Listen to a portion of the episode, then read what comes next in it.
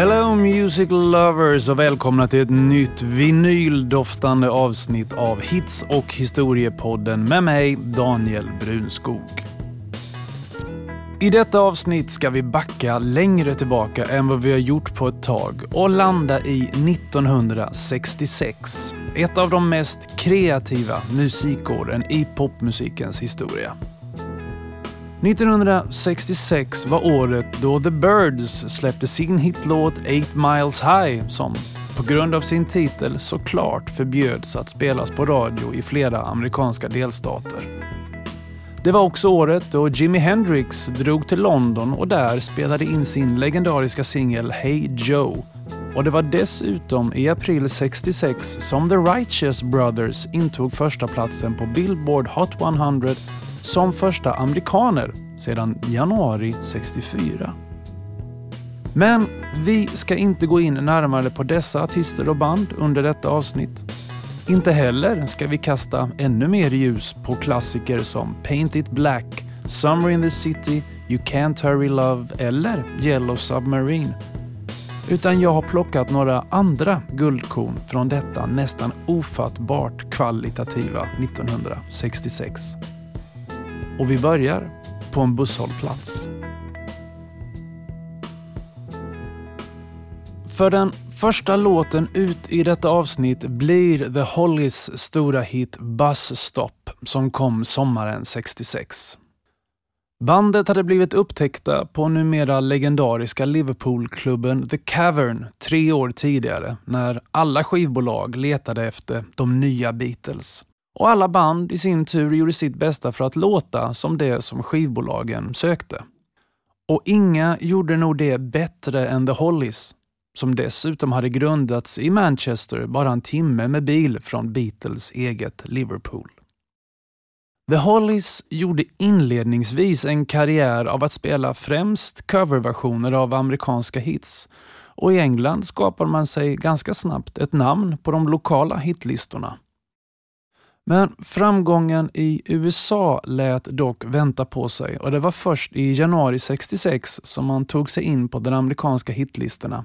Dock inte på den mest prestigefyllda Billboard Hot 100 utan på US Top 40 där man nådde 32 platsen med låten Look through any window. Och även om bandet nu börjat skriva mycket själva så var det externa låtskrivaren och basisten Graham Goldman som sedermera själv skulle nå stor framgång som artist i gruppen 10cc, som hade legat bakom bandets första hit Look through any window och som också skulle komma att ligga bakom låten som gav The Hollies sitt stora genombrott i USA, nämligen Bus Stop. När Bus Stop släpptes i juni så hakade Hollies på trenden ragga rock inte betydelsen raggarrock som raggare utan ragga. som är en uppsättning regler och principer utifrån vilka klassisk indisk musik skapas. Bland annat The Kinks och The Birds hade redan 1965 doppat tårna i raga rock och kanske mest framgångsrikt gjorde Beatles det samma år, alltså 65, med hjälp av en sitar i sin låt Norwegian Wood.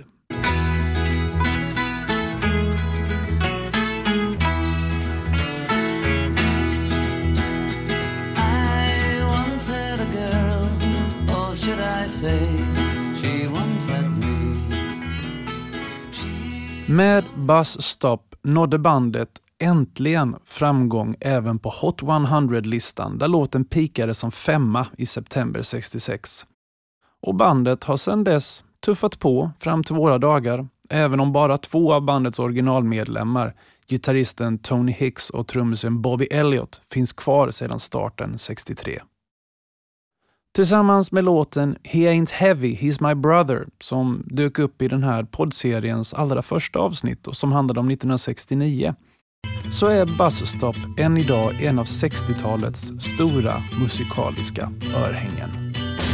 Bus stop, wet day, she's there, I say, please share my umbrella. Bus stop, bus go, she stays, love grows under my umbrella.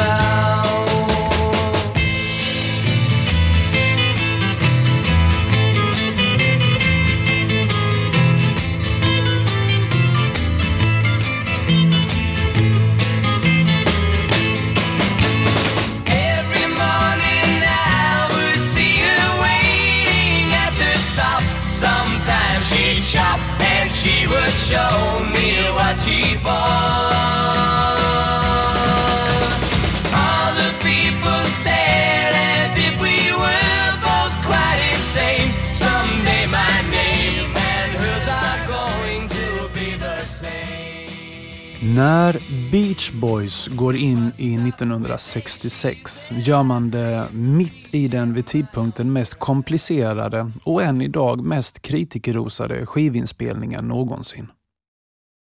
Bandets kreativa geni Brian Wilson hade permanent slutat turnera med bandet redan i januari 65 och fokuserade nu all energi på att skriva, arrangera och producera låtar för bandet. Och några månader senare, under sommaren 65, så påbörjades inspelningen av albumet Pet Sounds, som än idag anses vara det bästa popalbum som någonsin släppts. Texterna skrevs till största delen av textförfattaren Tony Asher och bandet Beach Boys befann sig på turné under större delen av inspelningarna och kom in i studion först i februari 66 för att lägga på sina sångpartier. Instrumenten spelades av de legendariska studiomusikerna i The Wrecking Crew och låtarna var helt annorlunda än bandets tidigare material. Alla i gruppen var inte helt överens om att detta var rätt väg att gå och många, bland annat Brian själv, har i efterhand sagt att det var mer av ett soloalbum än ett Beach Boys-album. Om detta har det skrivits uppsatser, reportage och böcker och utan problem skulle man kunna ägna en handfull poddavsnitt till detta ämne. Men där är vi inte nu, utan nu ska vi istället bara fokusera på ett av de bästa spåren från albumet, nämligen God Only Knows. När texten skrevs diskuterade Brian länge med Tony om huruvida användandet av ordet Gud i en låttitel, eller för all del i texten, skulle påverka hur mycket speltid låten skulle få på radio, vilket ju säger en hel del om USA på 1960-talet. Den musikaliska komplexiteten i låten God Only Knows är så omfattande att nog många skulle tröttna på att försöka förstå eller ens vilja förstå om jag i detalj skulle börja prata om diatoniska och kromatiska tonföljder, kontrapunktbaserad stämsång, kanonsång och det faktum att basgången är skriven i en helt annan tonart än resten av låten. Om det nu ens finns en sådan tonart eftersom låten flyter omkring någonstans mellan E-dur och A-dur. Så vi kanske bara ska nöja oss med att njuta av hur bra det låter istället. Och jag kan inte motstå frestelsen att bjuda på ett exempel ur låten där instrumenten är bortmixade och bara rösterna ligger kvar. Hör här.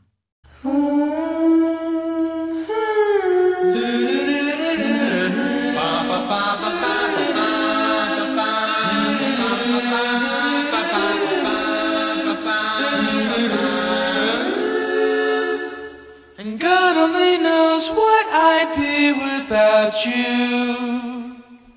Brian själv har påstått att han skrev den här låten i ett försök att matcha musiken som Beatles hade presterat på albumet Rubber Soul som hade kommit 65.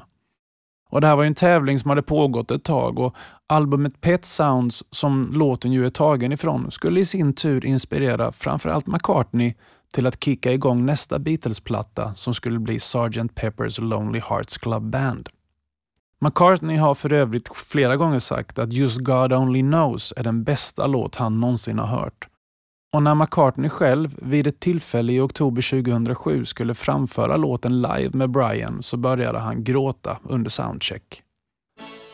Låten blev inte en hit på singellistorna men har sedan dess toppat olika rankinglistor när världens bästa låtar ska röstas fram. Och det det får väl räcka för en plats i Hits och historiepodden. I may not always love you But long as there are stars above you You never need to doubt it I'll make you so sure about it God only knows what I'd be without you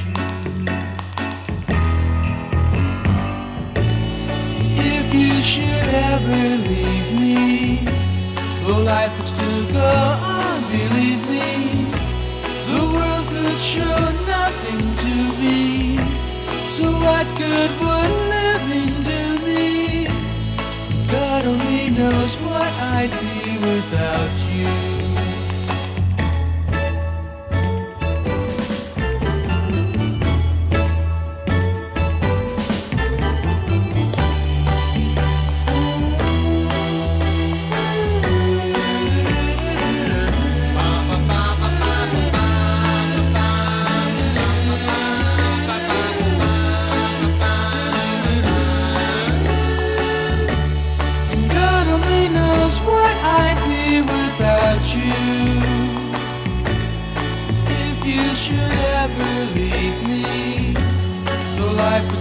Oh.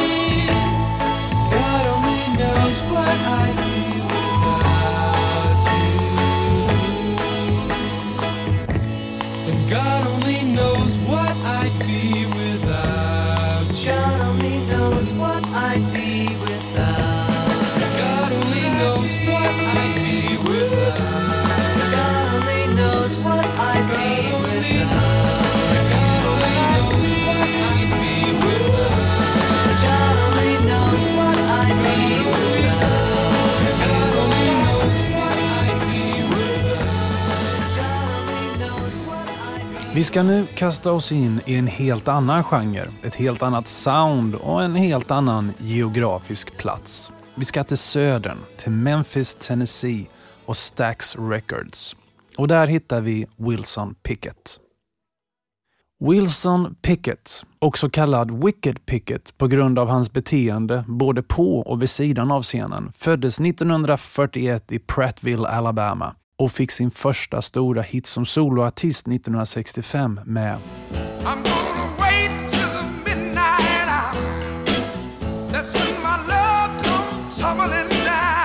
In the Midnight Hour låg etta på Billboards rb lista och hamnade på plats 21 på Billboard Hot 100 och räknas därmed som en av de första äkta soul-låtarna som tog sig in och dessutom tämligen högt upp på den annars så vita listan.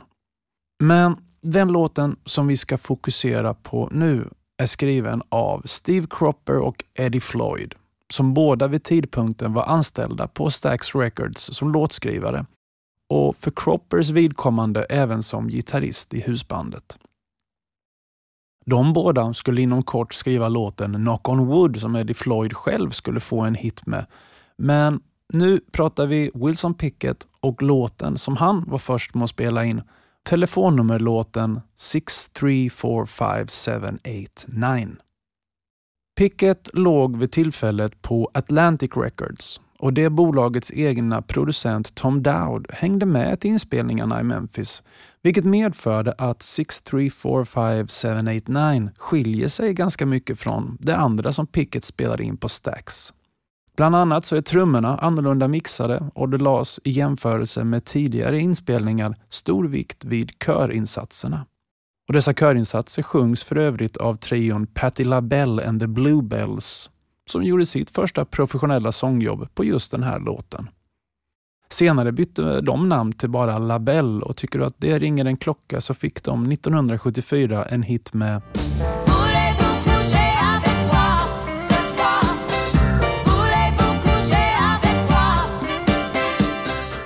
634579 nådde toppen av Hot Rhythm and Blues singles, men än mer viktigt, en hög trettonde plats på Billboard Hot 100. Vilket gjorde Pickett till en av de första manliga afroamerikanska artister att göra Supremes sällskap i toppskiktet av den vita Billboardlistan. Sin största hit skulle Pickett få senare samma sommar med sin coverversion av Chris Kenners låt Land of a thousand dances. Och även om den låten blev en större hit så svänger den här bättre.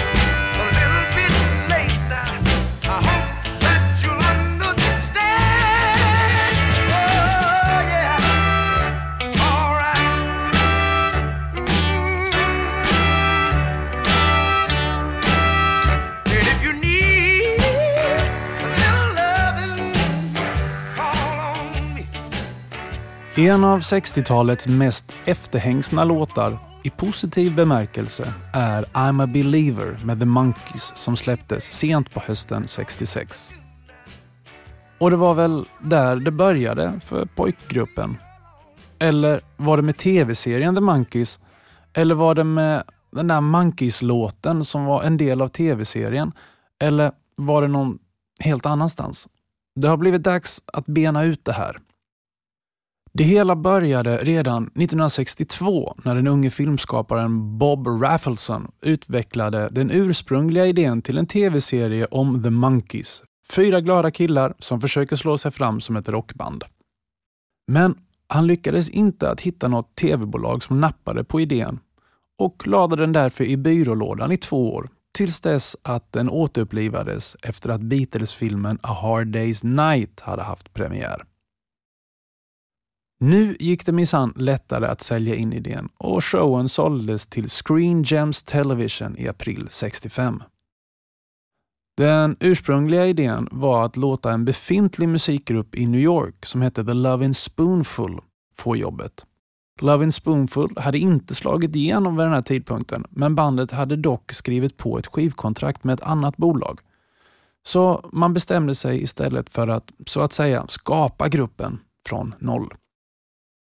Sagt och gjort och samtidigt som man sökte vitt och brett efter fyra killar som helst skulle kunna både spela teater och instrument, även om det sistnämnda var sekundärt, så skrevs musik till den kommande serien. När kvartetten fallit på plats så spelade de in ett antal låtar och en singel släpptes innan tv-serien hade premiär den 12 september 66. Men det är inte I'm a believer eller Monkeys-låten, utan låten heter Last Train to Clarksville och är skriven av låtskrivarduon Tommy Boyce och Bobby Hart. Texten handlar om en man som ringer till den kvinna han älskar och uppmanar henne att träffa honom på en järnvägsstation i Clarksville innan han måste åka, eventuellt för alltid. Det fanns ingen uttrycklig hänvisning till krig i låten, men sista raden, “Jag vet inte om jag någonsin kommer hem” kunde såklart ses som en indirekt referens till en soldat som lämnar USA för att delta i Vietnamkriget. Att det råkar finnas en militärbas utanför en av de 26 städerna i USA som bär namnet Clarksville spädde såklart på spekulationerna. Låtens gitarriff påminner medvetet en hel del om Beatles hitlåt Paperback Writer som hade kommit tidigare samma år och man hoppades att liknelserna skulle kunna ge den här nya låten lite extra skjuts upp för listorna. Här får ni höra vad jag menar. Beatles först.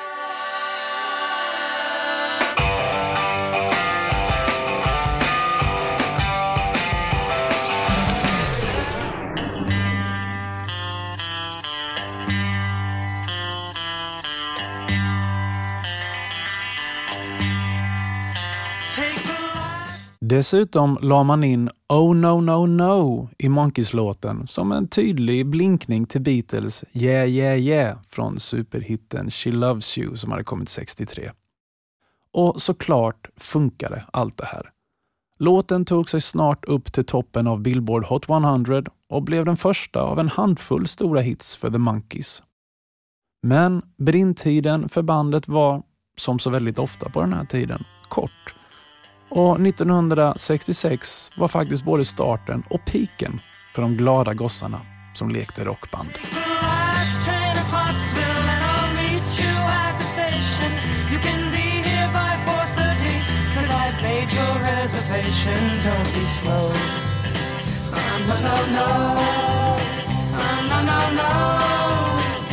Cause I'm leaving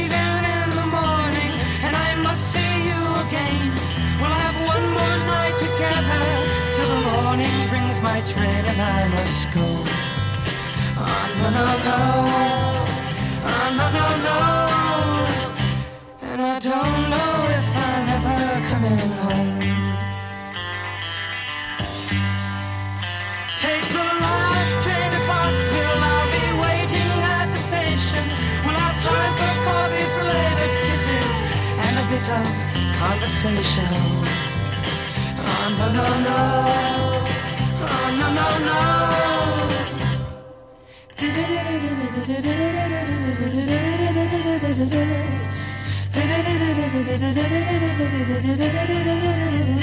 Take the last train to Clarksville. Now I must hang up the phone.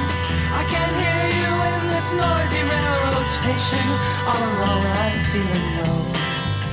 Oh, no, no, no. Ah,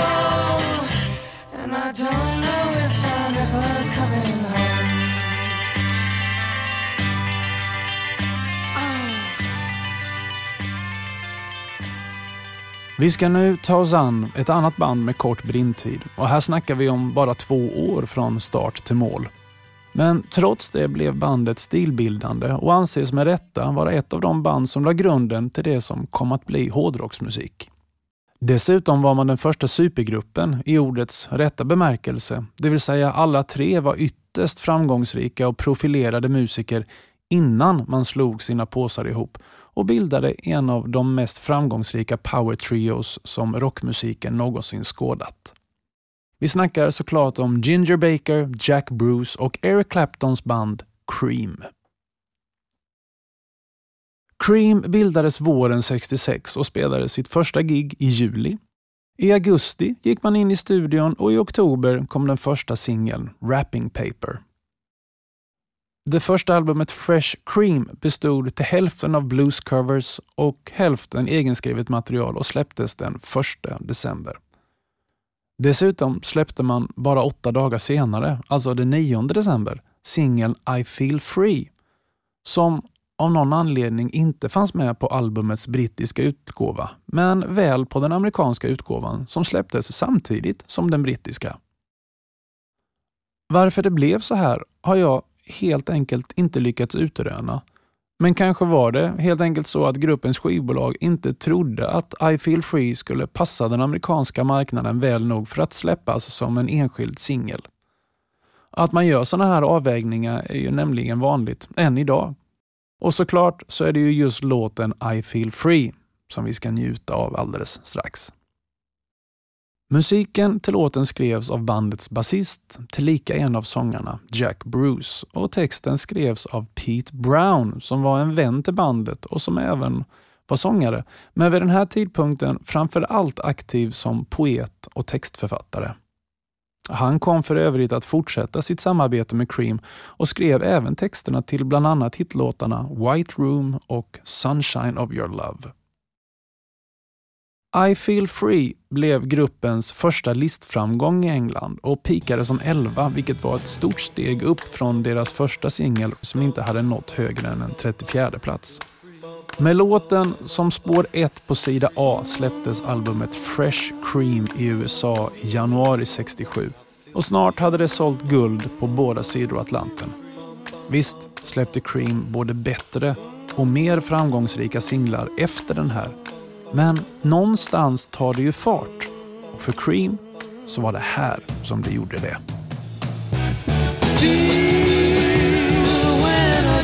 Hits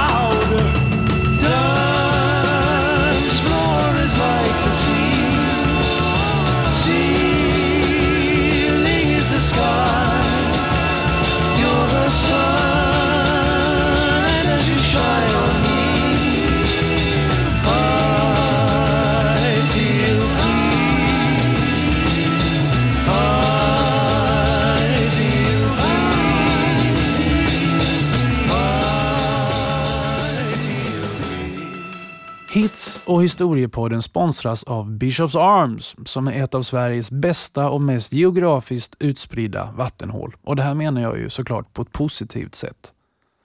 Jag har själv en härligt nära relation till Bishops Arms då jag ofta är där både som gäst och quizmaster.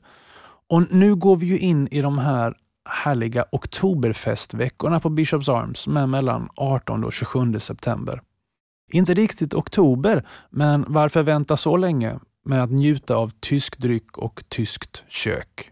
Titta in på ditt närmaste Bishops Arms så förstår du varför det är så lätt att gå dit men svårt att gå hem.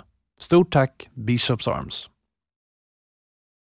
Vi är även sponsrade av nöjesbolaget Lyckofigur som sedan 2005 spridit shower, quiz, musikföreställningar och trubadurkvällar till hundratals företagsfester och tiotusentals glada människor.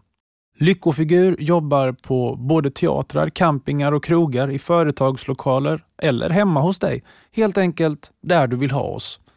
Och vill du veta mer om oss så tittar du bara in på lyckofigur.se eller letar upp oss på Facebook och Instagram. Och där heter vi också såklart Lyckofigur. Pandoras Box var ett café som öppnade på Sunset Boulevard i West Hollywood i slutet på 50-talet.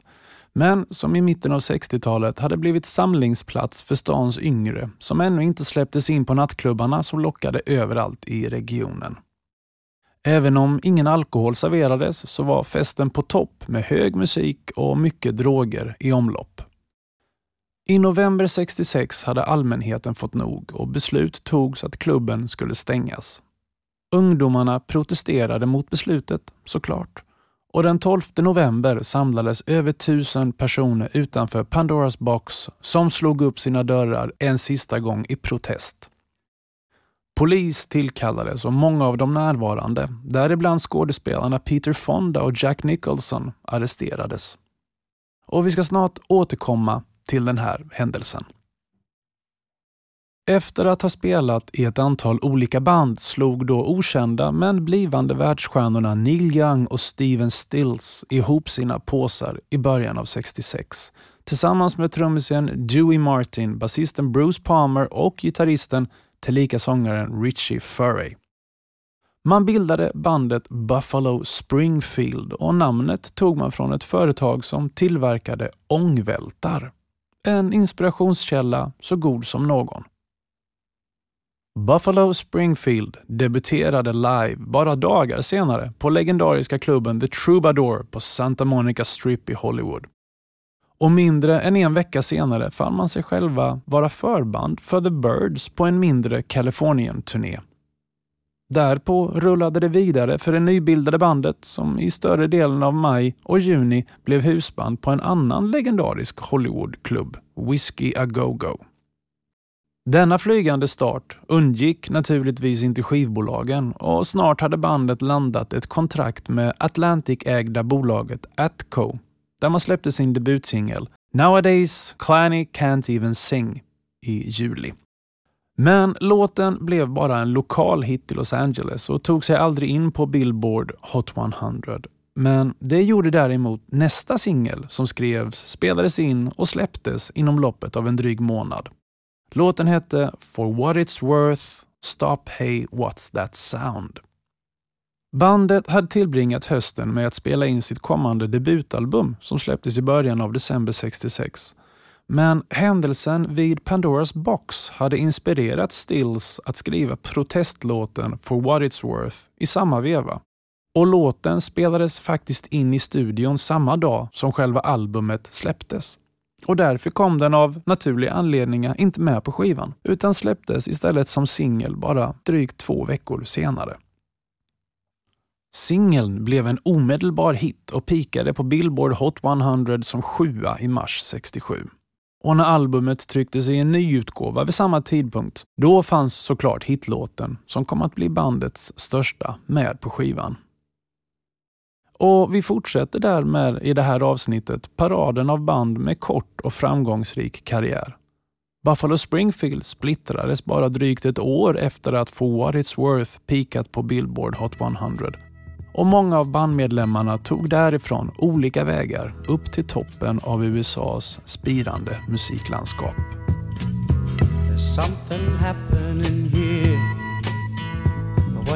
There's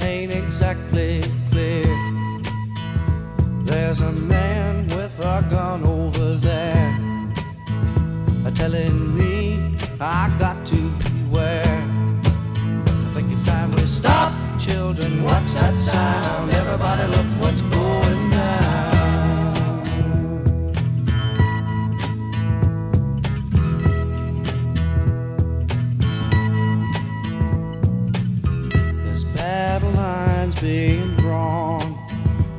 Nobody's right if everybody's wrong.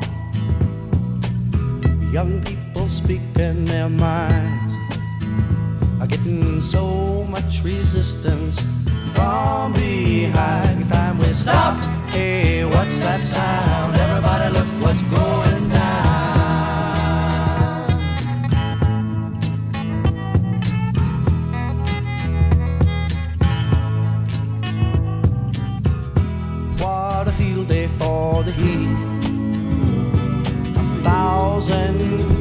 In the street, singing songs and a carrying signs.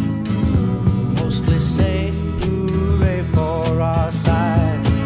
It's time we stop.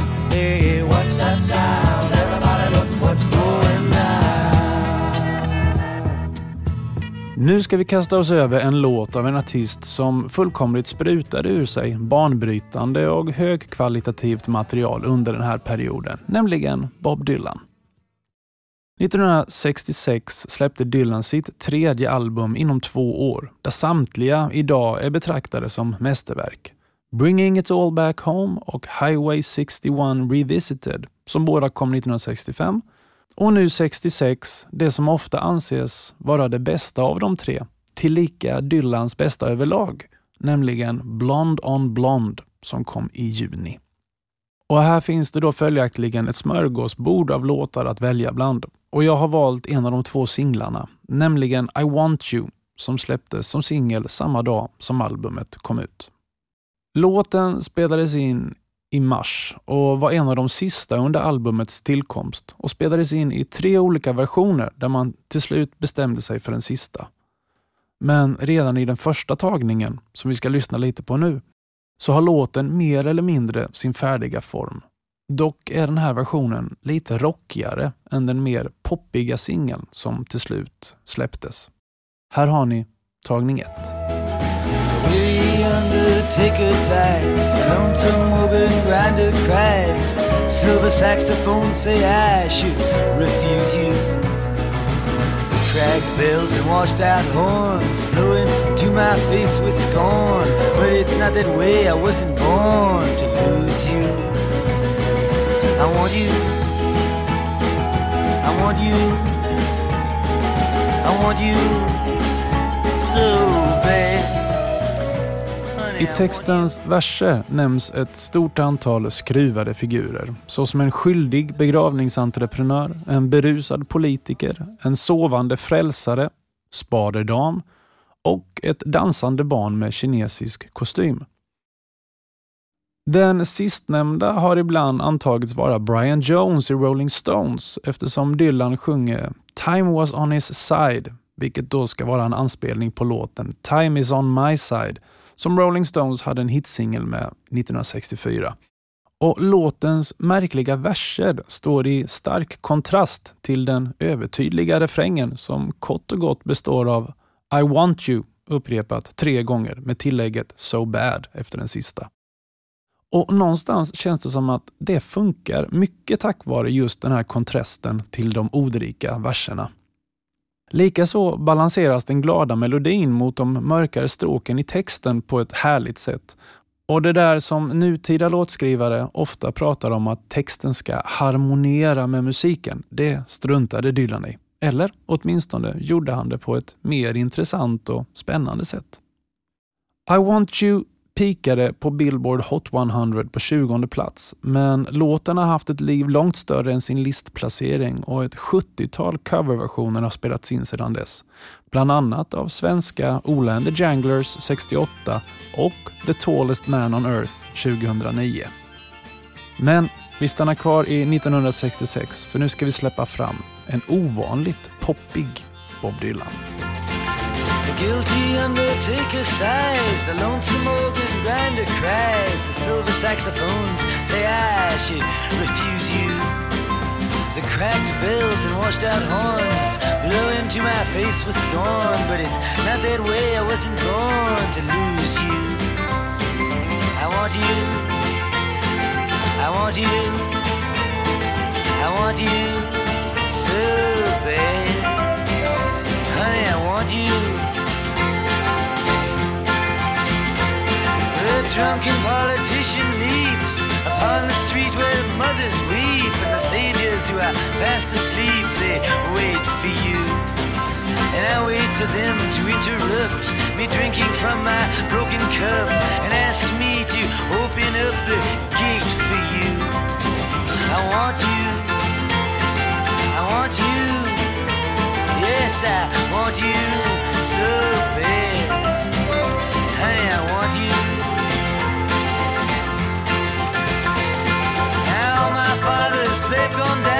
true love, they've been without it. And all their daughters put me down, cause I don't think about it. Well, I return to the Queen of Spades and talk with my chambermaid. She knows it, she's not afraid to look at her.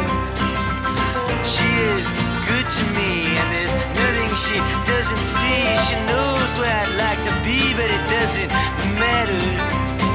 I want you. I want you. Yes, I want you so bad. Honey, I want you. Efter att Simon Garfunkel mer eller mindre i panik hade spelat in sitt senaste album Sounds of Silence för att följa upp den helt otippade succén med låten med samma namn så fick man nu hela tre månader i studion på sig att spela in uppföljaren. Men Paul Simon var så uppe i varv av alla intervjuer, promotionarbete och konserter som hade följt i kölvattnet av Sounds of Silence att han hade svårt att landa och få ihop nytt material. Och albumet kom därför till stor del att bestå av nyinspelningar av låtar som han redan släppt som soloartist på albumet The Paul Simon Songbook och som hade floppat totalt året innan. Alternativt så hade låtarna skrivits i samma veva men av olika anledningar inte kommit med på det albumet. Bland låtarna som skulle återkomma i en ny kostym hittar vi The Side of the Hill som ni ska få ett smakprov av originalversionen på här. on the side of a hill in a land called somewhere. A little boy lies asleep in the earth. While down in the valley a crew war rages, and people forget what a child's life is worth. Och det där kanske inte låter som någon Simon Garfunkel-låt som ni känner igen, men det gör ni säkert om en liten stund. Det nya albumet, som kom att släppas i oktober 66, fick det inte så lite folkmusikdoftande namnet Parsley Sage, Rosemary and Thyme. Frasen togs från en 1600-talsballad som Paul Simon hade snappat upp under sin tid som folkmusikpubmusiker i England under 65 och som då hade framförts av Martin Carthy. Balladen hette Scarborough Fair och handlade om en elva som hotade med att föra bort en ung man och göra honom till hennes älskare om han inte lyckas utföra en till synes omöjlig uppgift, nämligen att tillverka en tröja utan sömmar. Carthys egen version fanns med på hans debutalbum som kom 65 och lät så här. Are you going to Scarborough Fair? Parsley, sage, rosemary and thyme. Paul Simon arrangerade om Scarborough Fair en smula och la ovanpå den sin egen låt The Side of a Hill som hade funnits med på soloalbumet från 65 och där Art Garfunkel ändrade om melodin och placerade den som en kontramelodi till Scarborough Fair. Texterna kraschar mot varandra där den ena är en klassisk engelsk ballad med en elva och den andra är en antikrigstext om Vietnamkriget. Simon Garfunkels version som fick titeln Scarborough Fair slash Canticle kom att bli albumets öppningsspår och nå fjärdeplatsen på Billboard Hot 100 till Martin McCarthys stora protester då han menade att Simon stulit hans arrangemang. Paul Simon medgav utan omsvep att han hade inspirerats av Martins tolkning, men visste inte att man var tvungen att kreditera någons tolkning av en gammal engelsk ballad när man gjorde sin egen version av den. Men när det stod klart så ersattes Martin ekonomiskt. Men ska vi vara ärliga så är det ju faktiskt en väldigt stor skillnad på Martins 1600-tals doftande arrangemang och det som slutligen via Simon Garfunkel landade högt upp på Billboard Hot 100. Going to Scarborough Fair? Parsley, sage, rosemary, and thyme. Remember me to one who lives there. She once was a true love of mine.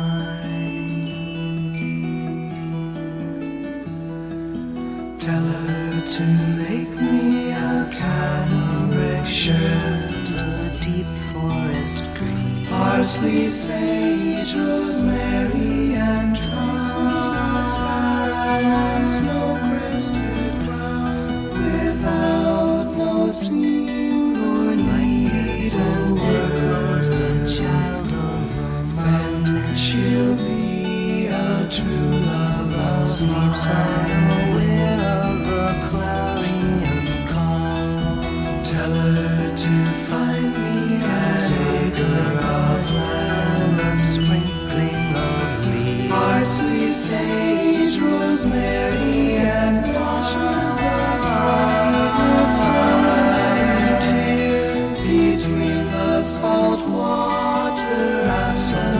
strands and polishes a gun. She'll be a true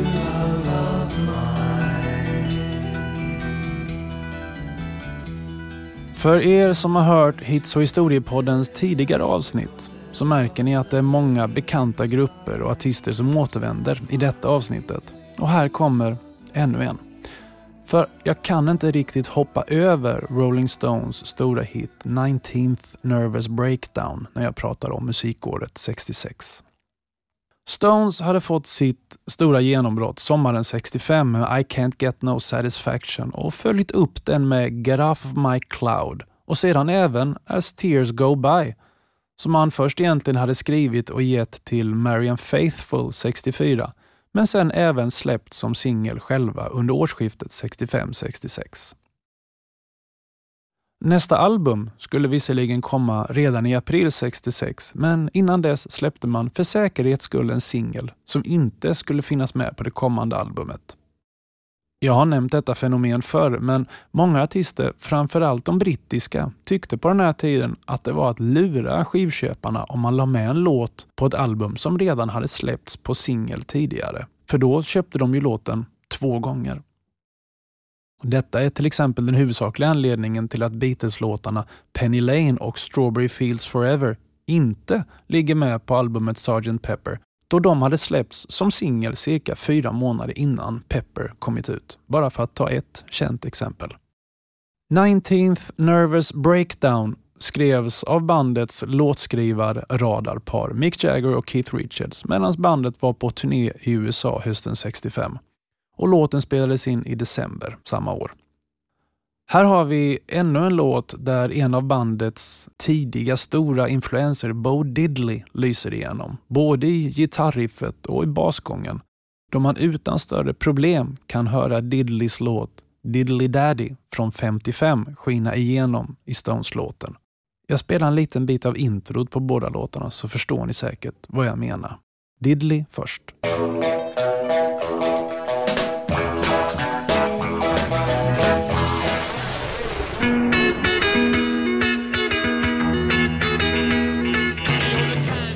Låten innehåller också en av de första drogreferenserna som Stones mer eller mindre tydligt la in i många av sina låtar.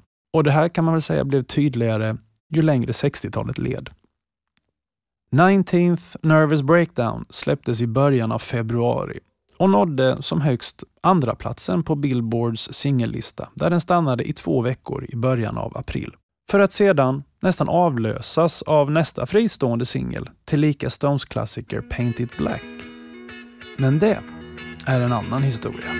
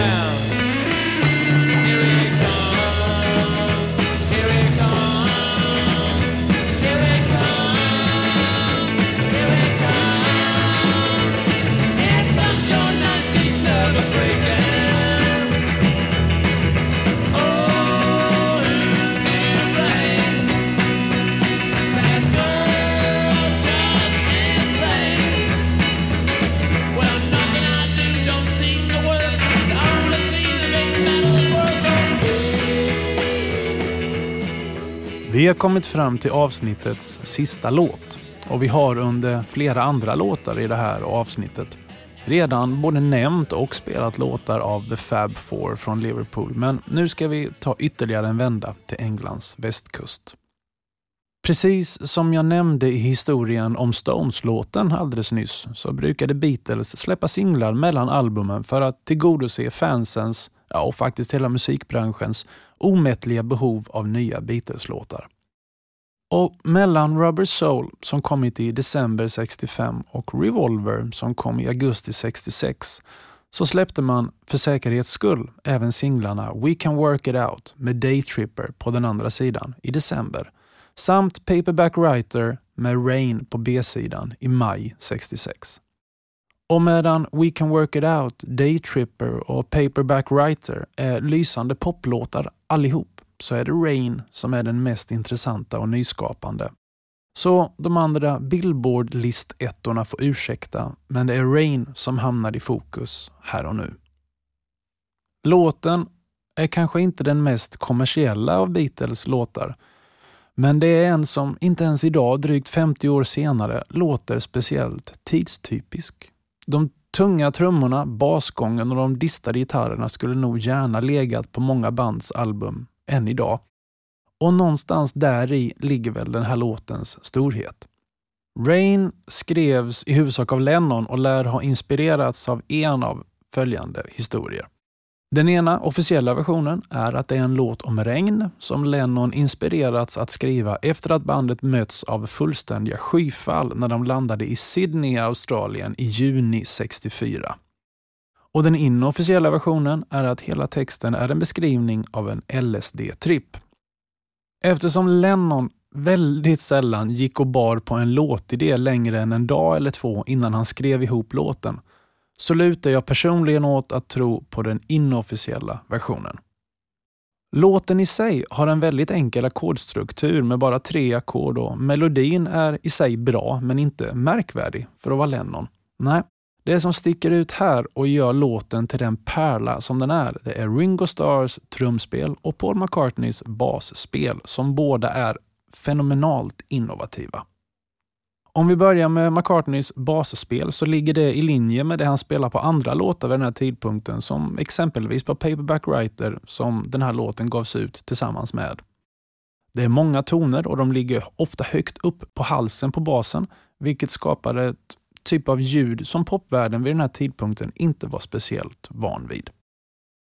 Vi lyssnar lite här på en inspelning där basmelodin i utbildningssyfte spelas högre ovanpå originallåten, så hör ni vad jag menar.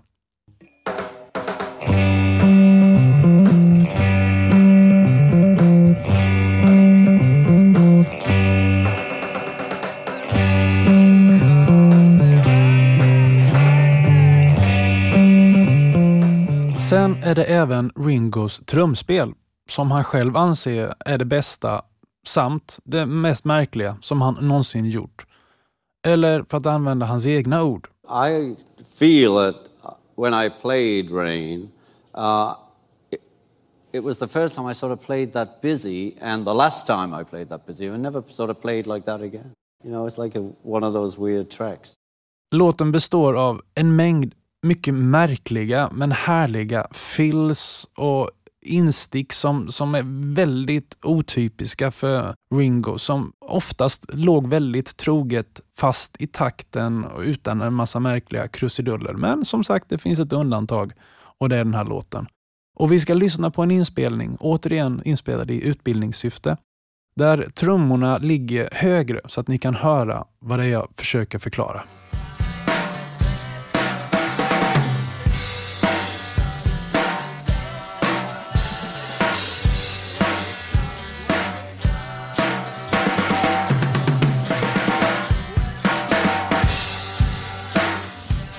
Mot slutet av låten så används också för första gången i populärmusikens historia baklänges uppspelad sång.